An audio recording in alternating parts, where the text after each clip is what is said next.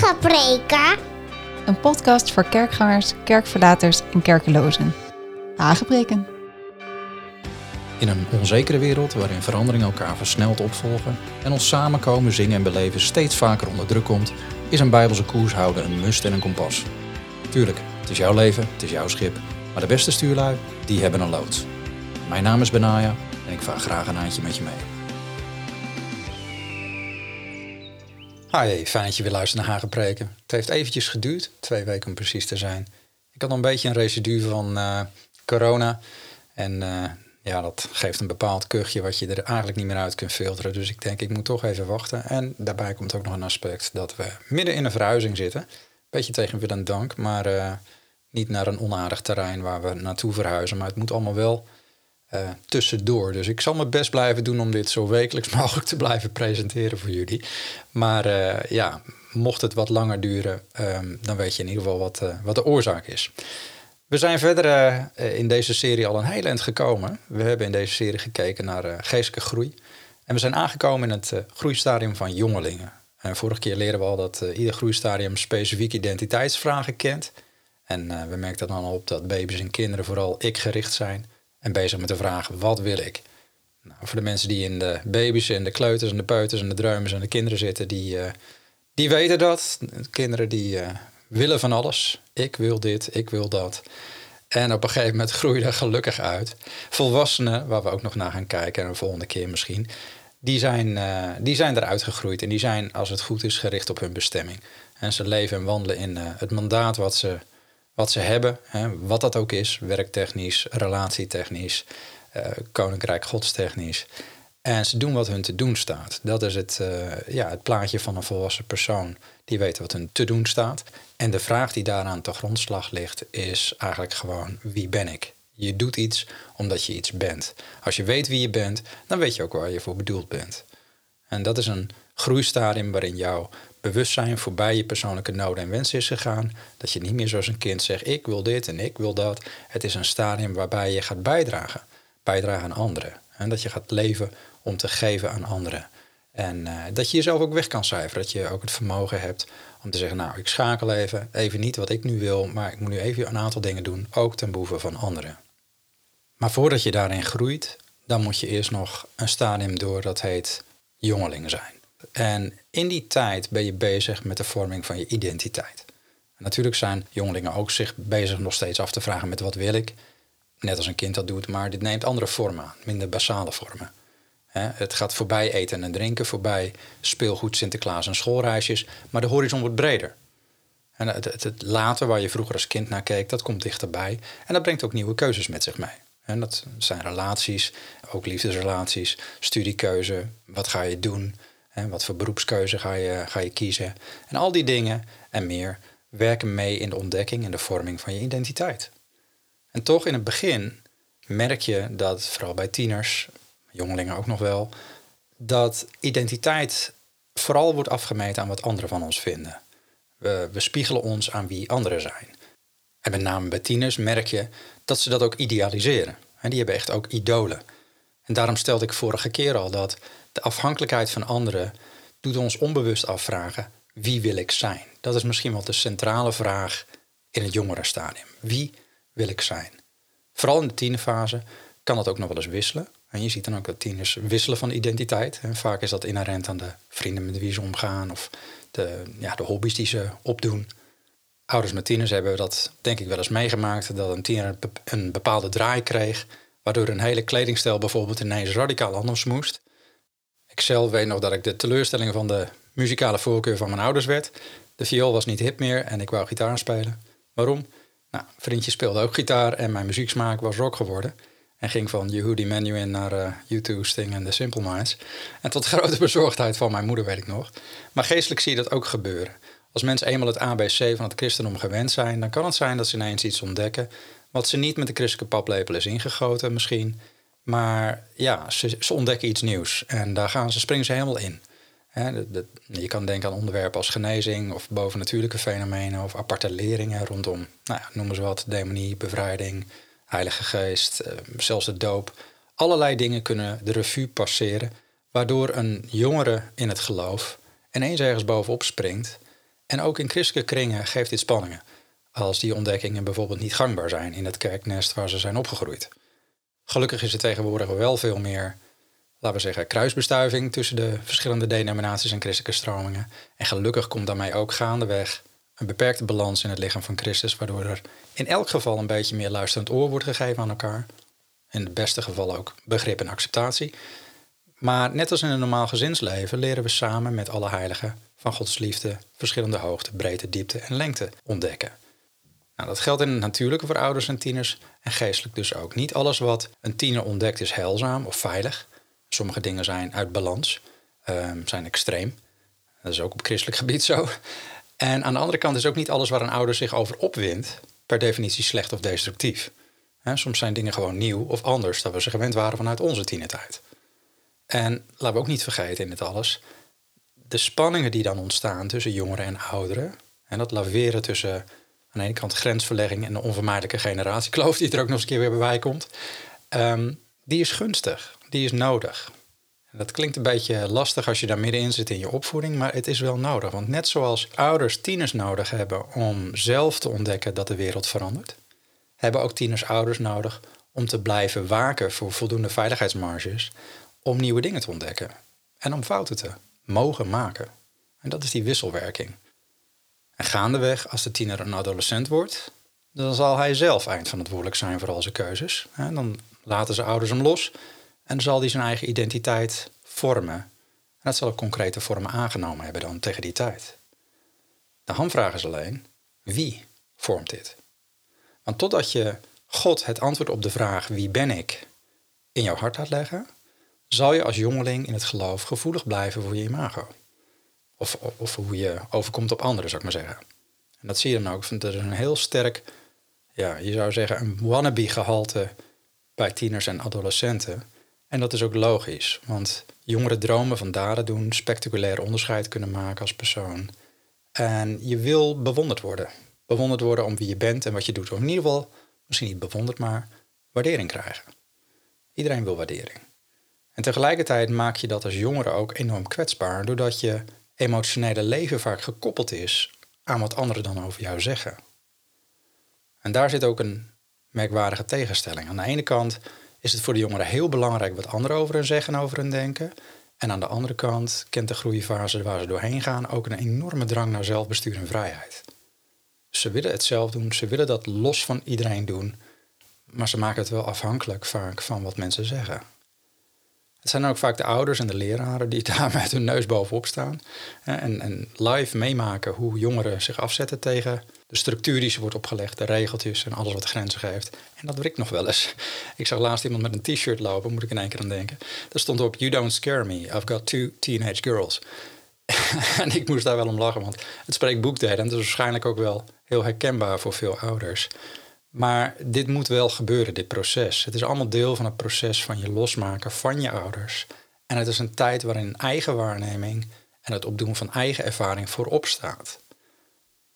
Wat het een beetje lastig maakt, is dat jongeren zien kennis vaak als volwassenheid en wijsheid. Maar hebben vaak niet door dat ja, zelfbestuur kan worden gegeven, maar moet ook nog wel worden beperkt in sommige facetten. En dat dit voor de veiligheid is voor de tiener in kwestie, dat komt meestal niet 1, 2, 3 aan. En dat is een krachtenveld. En dit krachtenveld, dat duurt wel even. In een eerdere aflevering van het vorige seizoen van deze podcast noemde ik al eens hoe uh, een oude navigator Jim Peterson in deze tijd van mijn leven uh, voorbij kwam. Het was, uh, toen was ik al adolescent, ik was student. Het was tijdens een focusweekend van navigators. En het was die oude taaie grijzaar die mij deed beseffen wat de sleutel was om door te groeien naar geestelijk volwassenheid. Om het nog even kort te herhalen, mocht je de aflevering gemist hebben. Ehm, wij kregen als studenten de gelegenheid om deze, ja, moet maar even zeggen, doorgewinterde vader in het geloof vragen te stellen. En als iemand dan uh, een vraag stelt, dan beantwoordde hij dat vanuit de Bijbel. Dat vond ik al een heel mooie eigenschap. En ik weet nog dat iemand de laatste vraag stelde en die zei: Meneer Peterson, hoe zou u geestelijke volwassenheid definiëren? En op dat moment sloot Jim Peterson zijn Bijbel. Boog hij voorover alsof hij een soort geheim zou doorgeven aan ons en zei: Jongens, luister. Geestelijke volwassenheid is dat je niets meer te bewijzen hebt. Niet naar anderen, Niet naar jezelf. En zeker niet naar God. Prachtig. Ik kan je nu al zeggen dat ik loop nu tegen de 50, maar ik trek dezelfde conclusie. Als ik eerlijk ben, heb ik zeker tot mijn 30ste of 35ste nog allerlei dingen gedaan en ondernomen waarin een of andere vorm een stuk bewijsdrang doordrong. En als ik dan terugkijk, dan moet ik eerlijk erkennen, daarmee komt een hoop stress, een hoop vermoeidheid of minimaal een hoop onrust om te bewerken wat je aan het bewijs bent of wat je aan het bolwerken bent. Dat herken ik niet altijd, want voor je gevoel ben je gewoon lekker bezig. Je gaat ergens voor. Dat is ook een kenmerk hè, van jongeren. Gewoon boordevol ideeën en bergen energie. Tenminste, als je gezond bent en blijft. Maar het was pas op latere geestelijke leeftijd dat ik de diepte begreep van teksten als wentel u weg op de Heer en vertrouw op Hem en Hij zal het doen. In het begin, ja, lees je die tekst en neem je dat voor kennis aan. Later zie je de wijsheid ervan. Of als ik weer een stap in het geloof moest nemen, uh, zo'n tekst als vertrouw op de Heer met je heel je hart en steun op je eigen inzicht niet. Spreuken 3 vers 5. Dat je volledig op God kan vertrouwen. En dat je het niet kan, zelf kan doorpiekeren. Dat, dat leer je gaandeweg. Of ook een mooie, misschien met betrekking tot inkomen en werk. Zo'n tekst als Spreuken 10. De zegen van de Heer maakt rijk. Die maakt rijk. En hij voegt er geen zoeg aan toe. En vooral die laatste is in Nederland voor heel veel mensen een lastige. We zijn gewend om te knokken voor onze financiële zekerheden en die zelf in te bouwen. Door middel van het vaak veelbegeerde vast contract, eh, pensioenen, verzekeringen. Proberen we allemaal klaar te zetten voor onszelf. Maar wat nou als je wordt gestript van alles wat je hebt klaargezet en opgebouwd? Ja, kun je dan zo'n tekst pakken en gaat die voor je leven? Of probeer je dan nog steeds iets te bewijzen dat het wel kan? En stel je niet afhankelijk op. Heel vaak volgt dan wel een schietgebedje, maar echt met open handen zitten en zeggen: Heer, help. Als u het niet doet, ja, dan zijn we, zoals ze hier zeggen in deze regio, dan zijn we de sjaak. Ehm, wij zitten in zo'n seizoen op, dit moment als gezin. Als ik er even, even een hele persoonlijke noot aan toe mag voegen. Hè. Ehm, een, tijd terug, 2014, ik werd gestript van alles wat ik in zeven jaar had opgebouwd, werk en bedieningstechnisch. En vervolgens werd ik gestript van mijn gezondheid daarna. En niet veel later mijn vrouw. Tot het punt dat ze moest stoppen met werken en nu afhankelijk is geworden van andere mensen. En wat volgde waren twee jaren vruchteloos juridisch knokken tegen een lokale overheid. Om zich aan een WMO-wet te houden. Waarbij je dan weer gestript wordt van je inkomen. En van al je spaargelden in het hele proces. En nu om te overleven moet je van lieverlee verhuizen. Om te zorgen dat je mogelijkheden houdt om wonen en werken in eigen hand te houden. Dat is waanzinnig. En toch, dan komt zo'n tekst weer voorbij.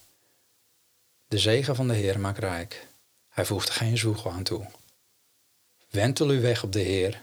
Psalm 37. Vertrouw op Hem. Hij zal het doen. Wij weten ons gedragen door God in dit proces. Wij weten dat Hij een plan heeft. Dwars door dit alles heen. Het is geen makkelijke weg. Het is een ruige weg. Maar we weten dat wij gezegend zijn door deze zware tijden heen. En ook gezegend blijven.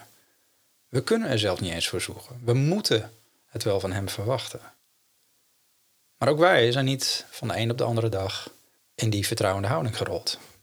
Het kost een tijd voordat je doorhebt dat jij gelimiteerd bent als mens in wat je kan. Wat je kan bedenken wat je kan bewerken in eigen kracht. En helaas moet je dat vaak onder trots, tegenslag en teleurstelling, zeg ik altijd, de drie bekende T's.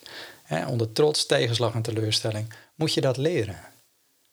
Maar als op een gegeven moment het licht aangaat en je doorhebt dat het echt zo is wat de Heer Jezus ons op het hart drukt, wie in mij blijft en ik in hem, die draagt veel vrucht, want zonder mij kun je niets doen. Maar wat lopen we graag vooruit? En wat lopen we graag voorop? Zonder dat we ons afvragen, wat wil de Heilige Geest eigenlijk? Of wat doet de Heilige Geest op dit moment eigenlijk? En toch, als je besluit in al die moeilijkheden om te blijven in Hem, dan is dat het moment dat je binnenstapt in de bovennatuurlijke wereld die God heet. Dan kom je op het terrein van wonderen. En waarom?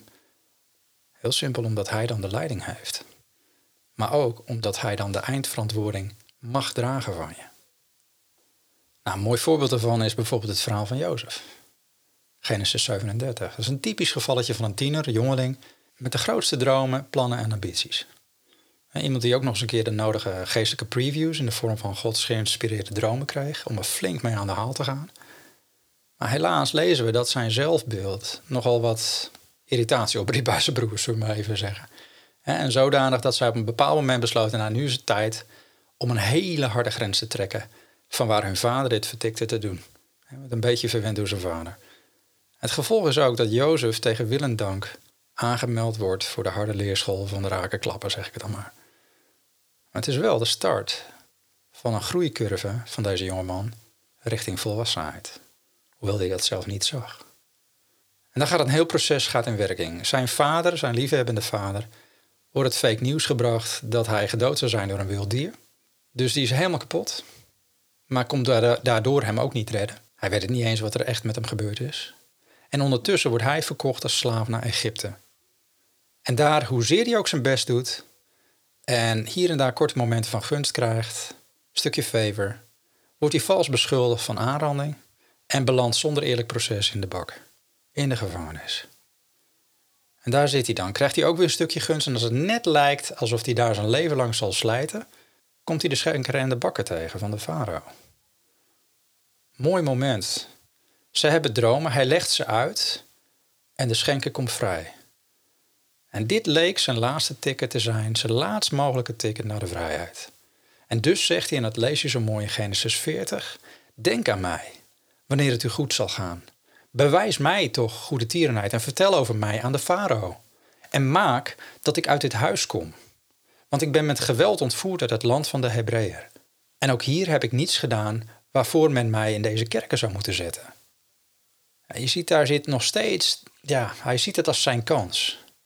En hij ziet dit als de kans dat die schenker die kan maken dat hij uit die gevangenis kan komen. Maar trieste is, de schenker vergeet hem gewoon. En al Jozefs hoop op vrijheid vervliegt.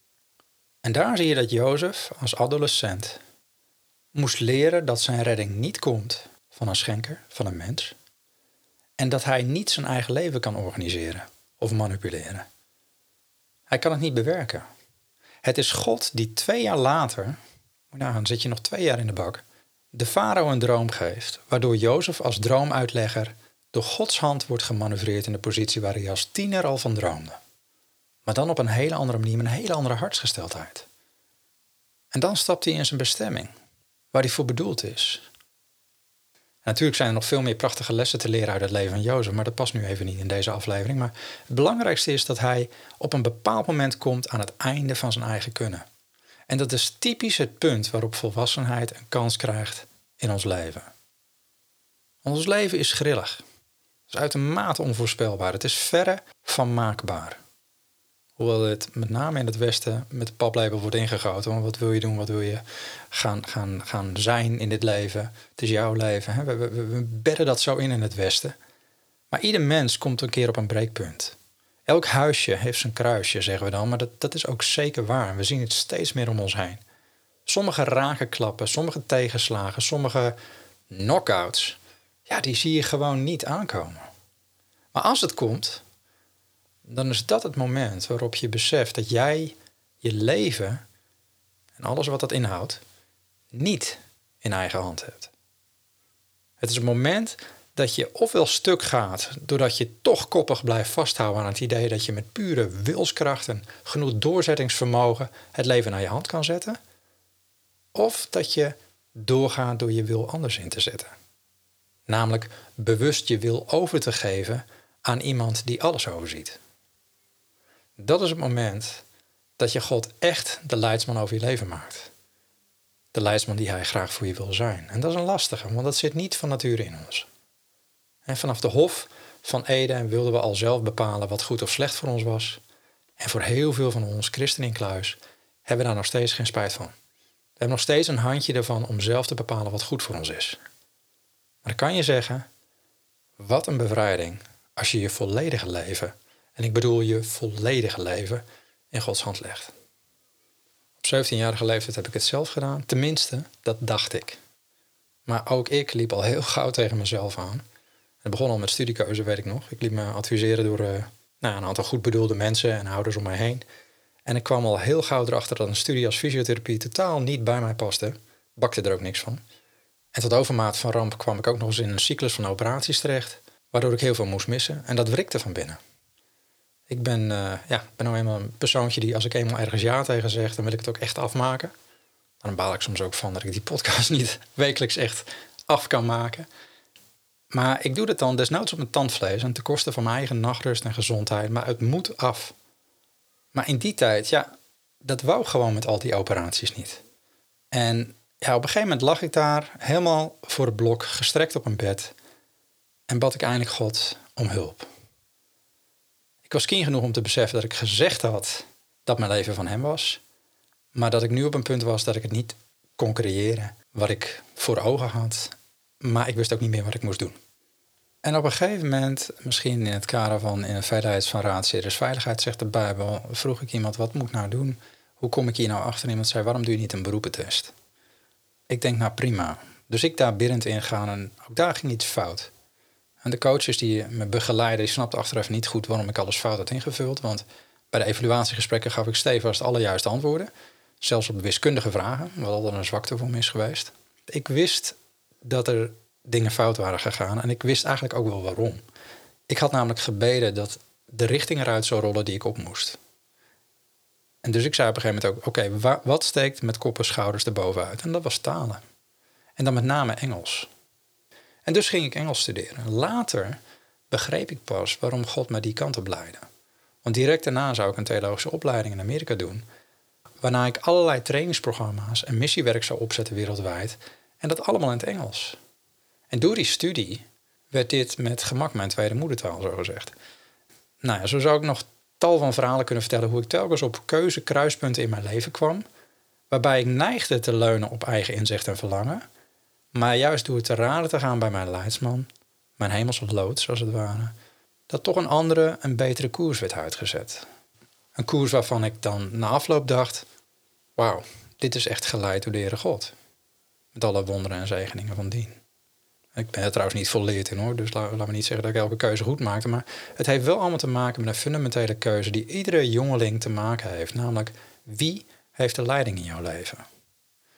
En natuurlijk, als jongeling ben je eerst in de veronderstelling dat jij gewoon de leiding over je leven hebt. Ik bedoel, je, je bent blij dat je je vleugels kan uitslaan. Je mag de wijde wereld in zonder bemoeienis van je ouders. En je mag dan ook je eigen plek veroveren. Een kamer, een appartementje of een huisje. En je mag dit delen met wie je wilt. Je mag het inrichten zoals je het wilt. Je, je verdient je eigen geld, dus je kunt ook uitgeven zoals je wil. Maar in dat nieuwe vrijheidsseizoen wat je dan ingaat, kun je vergeten dat iemand de leiding wil nemen over jouw leven. En je ziet het bijvoorbeeld in het leven van Joshua. Dat is een jonge man die Mozes bijstond en later het stokje van hem overnam. En je ziet, Mozes is het beloofde land nooit ingegaan, maar Joshua die was al eens eerder daar geweest, was al eens een keer gaan scouten en mocht uiteindelijk, 40 jaar later notabene, mocht hij het innemen. En ook al was hij toen al een volwassen man, hij was geen adolescent meer. Hij was gementord, hij was gediscipeld, zouden we nu zeggen, door, door Mozes. Hij moest op zijn beurt nu het hele volk leiden naar het beloofde land. En daarin was hij nieuw. Daarin was hij niet door de wol geverfd. Hij stak qua groeicurve ongetwijfeld met kop en schouders boven de rest uit. Anders was hij nooit uitgekozen voor deze job, denk ik. Maar hij had nog een hele belangrijke les te leren. En die les, dat lezen we in Jozua 5, vers 13. Pak ik er even bij. Dat is waar die les begon. Daar staat: Het gebeurde toen Jozua bij Jericho was, dat hij zijn ogen opsloeg en zag. En zie, er stond een man voor hem met een getrokken zwaard in zijn hand. Nou, dat is op zich al een boeiende zin, omdat hier meteen al de man wordt geïdentificeerd als wat de Bijbel noemt de engel van de Heer. En zowel in nummer 22 als in 1 Kroniek 21 wordt de engel van de Heer omschreven als iemand met een getrokken zwaard in de hand. Dus een, een vrij bekende term van die twee dingen bij elkaar. En de engel van de Heer is wat je in theologische termen een theofanie noemt, een verschijning van God of van Yahweh in een fysieke vorm in het Oude Testament. En het is duidelijk dat Jozua deze man al snel niet meer als gewoon persoon beschouwt. Al was het eerst nog niet helder, want we lezen wel dat Jozua ging naar hem toe en hij zei tegen hem: Hoort u bij ons of bij onze tegenstanders? En dan het mooie antwoord: hij zei nee. Dat is Beetje een raar antwoord op de vraag. Hoor je bij ons of hoor je bij onze tegenstanders? Nee. Maar ik ben de bevelhebber van het leger van de Heren. En nu ben ik gekomen. En dat is boeiend. Hier hebben we Jozua, waarvan je kan voorstellen dat hij flink in spanning zat. Hij wist, ik moet een land vol reuzen innemen. Want hij was al eens eerder wezen scouten met zijn maatje Caleb. En toen was hij er helemaal klaar voor. Maar dat is inmiddels 40 jaar terug. Destijds was hij overtuigd dat ze het met Gods hulp zouden kunnen innemen. Echt dat jongeren geloof van, hé, hey, we moeten innemen, land innemen en de duivel overwinnen, zou, Paulus zeggen. Dat wat, wat jongeren ook wordt toegeschreven. Er zit een bepaalde vechtlust in. Maar de rest van de spionnen waren veel te geïmponeerd door ja, die formidabele vijand die ze waren tegengekomen. Het waren reuzen. En daar staat aan Jozua, met die gedachte en die ervaring. Geen wonder dat hij zegt, ben je voor ons, ben je tegen ons, wie ben je? Hij, hij, heeft de opdracht om korte, te, korte metten te maken met deze reuzen. En ik kan me voorstellen dat hij onder spanning stond. Mooi is wel, hij had het volk door de rivier de Jordaan meegenomen. Weliswaar geen Rode Zee doet toch, maar toch een boven natuurlijk iets wat daar gebeurde. Een enorme bevestiging dat dezelfde wonderwerkende God die hun uit Egypte leidde ook nog nu met hen was. Maar dan sta je aan de andere kant. En de vorige keer was dat buiten het bereik van de farao en zijn legers, maar door de rivier door te trekken stonden ze juist nu op vijandelijk terrein. En farao's leger, dat was peanuts vergeleken met een leger van reuzen. Geen wonder dat God van tevoren hem ook drie keer moest zeggen: wees sterk en moedig. En je leest dat in Joshua 1. En dat had Mozes hem ook al twee keer op het hart gedrukt: wees sterk en moedig. Maar dat had hij kennelijk nodig, want hij wist waar hij heen ging. Wat hij in moest nemen. En vandaar ook dat de leiders van de andere stammen dit ook nog eens een keer halen. Want wij zullen gaan waar je beveelt. We zullen naar je luisteren zoals je dat we ook naar Mozes luisteren. Maar alsjeblieft, wees sterk en moedig. Denk dat heel veel van die leiders niet wisten waar ze tegenaan kijken. Maar Jozua wist dat wel. Hij was er al geweest. Hij wist hoe groot die reuzen waren. Maar als je kijkt hoe vaak het herhaald wordt, dat zinnetje naar Jozua, dan zie ik dat hij kennelijk de nodige pep talk nodig had om in zijn rol te stappen, om in zijn bestemming te stappen. En als je dan kijkt wat hij met Gods hulp van elkaar kreeg, ja, dan schept dat hoop voor ons allemaal, nietwaar? Uh, en, maar gelukkig stond ook dit keer het volk achter hem. En dat was met Mozes wel eens anders geweest. Sterker nog, we weten dat hij bijzonder gerespecteerd was en gezien werd als absolute leider. Al moet ik wel zeggen, ik vraag me af wat ze hebben gedacht toen Jozua zijn eerste opdracht van God met betrekking tot het volk moest oppakken. En Jozua 5 lees je dat. In feite zei hij iedereen broek naar beneden. dat klinkt heel raar, maar dat, dat staat er letterlijk van omdat hij mensen met stenen messen moest besnijden. En denk daar maar eens over na. Dat gaat iets verder als nagels knippen. En dat heeft een enorme impact. Want als je dat doet, dan ben je niet 1, 2, 3 weer op de been. Maar ze staan wel aan de andere kant van de rivier. En boeiend genoeg staat het ook dat het nieuws dat God de Jordaan had laten opdragen om de Israëlieten het land in te laten trekken, doordrong tot de koning in het land en dat hun hart wegsmolt van angst. Ik weet niet of Jozua daarvan op de hoogte was, de stress bij de vijanden, maar ik kan me voorstellen dat hij de zenuw had omdat het hele volk door hem eigenhandig lam was gelegd. Omdat hij zojuist een soort massa-circumcisie moest toepassen op alle mannen van het volk. En dan komt het moment dat Jozua voor zijn eerste grote taak staat, een aanval op de stad Jericho. En ik schets bewust even dat plaatje, want waarschijnlijk was hij chockvol adrenaline en cortisol als hij wordt opgeschikt door deze man met een getrokken zwaard. En zijn eerste reactie is: ben je voor of tegen ons? En hij krijgt het antwoord: Nee, maar ik ben de bevelhebber van het leger van de Heer en nu ben ik gekomen. Ik kan me bijna voorstellen dat God moest glimlachen toen hij zijn identiteit openbaarde als bevelhebber van het leger van de Heer. Want je ziet de reactie. Jozua wierp zich met zijn gezicht op aarde en hij boog zich neer en zei tegen hem: Wat wil mijn Heere tot zijn dienaar spreken? En toen zei de bevelhebber van het leger van de Heer tegen Jozua: Doe uw schoenen van uw voeten, want de plaats waarop u staat is heilig. En Jozua deed het. Het is overduidelijk dat dit bijna een herhaling van geschiedenis is. Net als Mozes vanuit de brandende braamstruik werd toegesproken door de Heer en zijn schoenen moest uitdoen, zo moest ook Jozua weten wie hier de bevelen gaf en wie de werkelijke leiding had over zijn leven en voor de inname van het land, wat hem te doen stond. En als we dat dan terugkoppelen naar de brief van Johannes, 1 Johannes 2, onze basistekst voor deze serie, dan zien we dat dit een cruciaal component is. Want Johannes spreekt tot de jongere generatie en zegt: Ik schrijf u, jonge mannen, omdat u de boze hebt overwonnen. Ik heb u geschreven, jonge mannen, omdat u sterk bent en het woord van God in u blijft en u de boze heeft overwonnen. Dat kan alleen als je Gods woord dominant maakt in je leven. Alleen wanneer je God als bevelhebber over jouw leven en over alles wat jou te doen staat in dit leven maakt, zul je overwinningen kunnen boeken. En zul je kunnen slagen in wat je moet doen in dit leven vanuit wie je bent. Want God kan je aanstellen voor iets. dat kan zijn als moeder, als vader, eerst heel basaal. Het kan zijn als kostenwinner voor een gezin.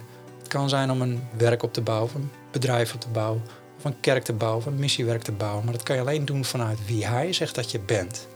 In afhankelijkheid van de bevelen en van de woorden die Hij tot je spreekt. Er is nog veel meer over te zeggen. Maar dat is het cruciale punt waarop een tiener naar jongeren gaat, een jongere naar adolescentie gaat en een adolescent naar volwassenheid groeit. Als hij beseft, God moet het doen. God moet spreken en dan kan ik dingen doen. God moet het bevel hebben. Hij moet mijn bevelhebber zijn, mijn leidsman. En dan zal hij het doen door mij heen. Niet mijn inzicht, niet mijn kunnen, niet mijn competenties, mijn bekwaamheden, mijn talenten, mijn gaven. Ook al heb ik ze van God gekregen, als Hij niet spreekt, als Zijn woorden niet in mij zijn, zal ik niet kunnen overwinnen. Het mooie is, daarmee is het voor iedereen. Daarmee is het niet aan de sterke, niet aan de meest bekwame mensen, maar aan de mensen die luisteren naar het woord van God en die God hun Heer hebben gemaakt. Blijf luisteren. Blijf koers houden.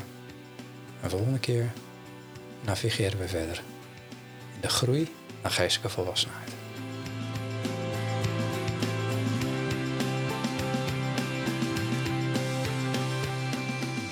Heb je vragen, opmerkingen of aanvullingen? Mail even naar podcast.saintkeinaam.com en dan krijg je mij te pakken.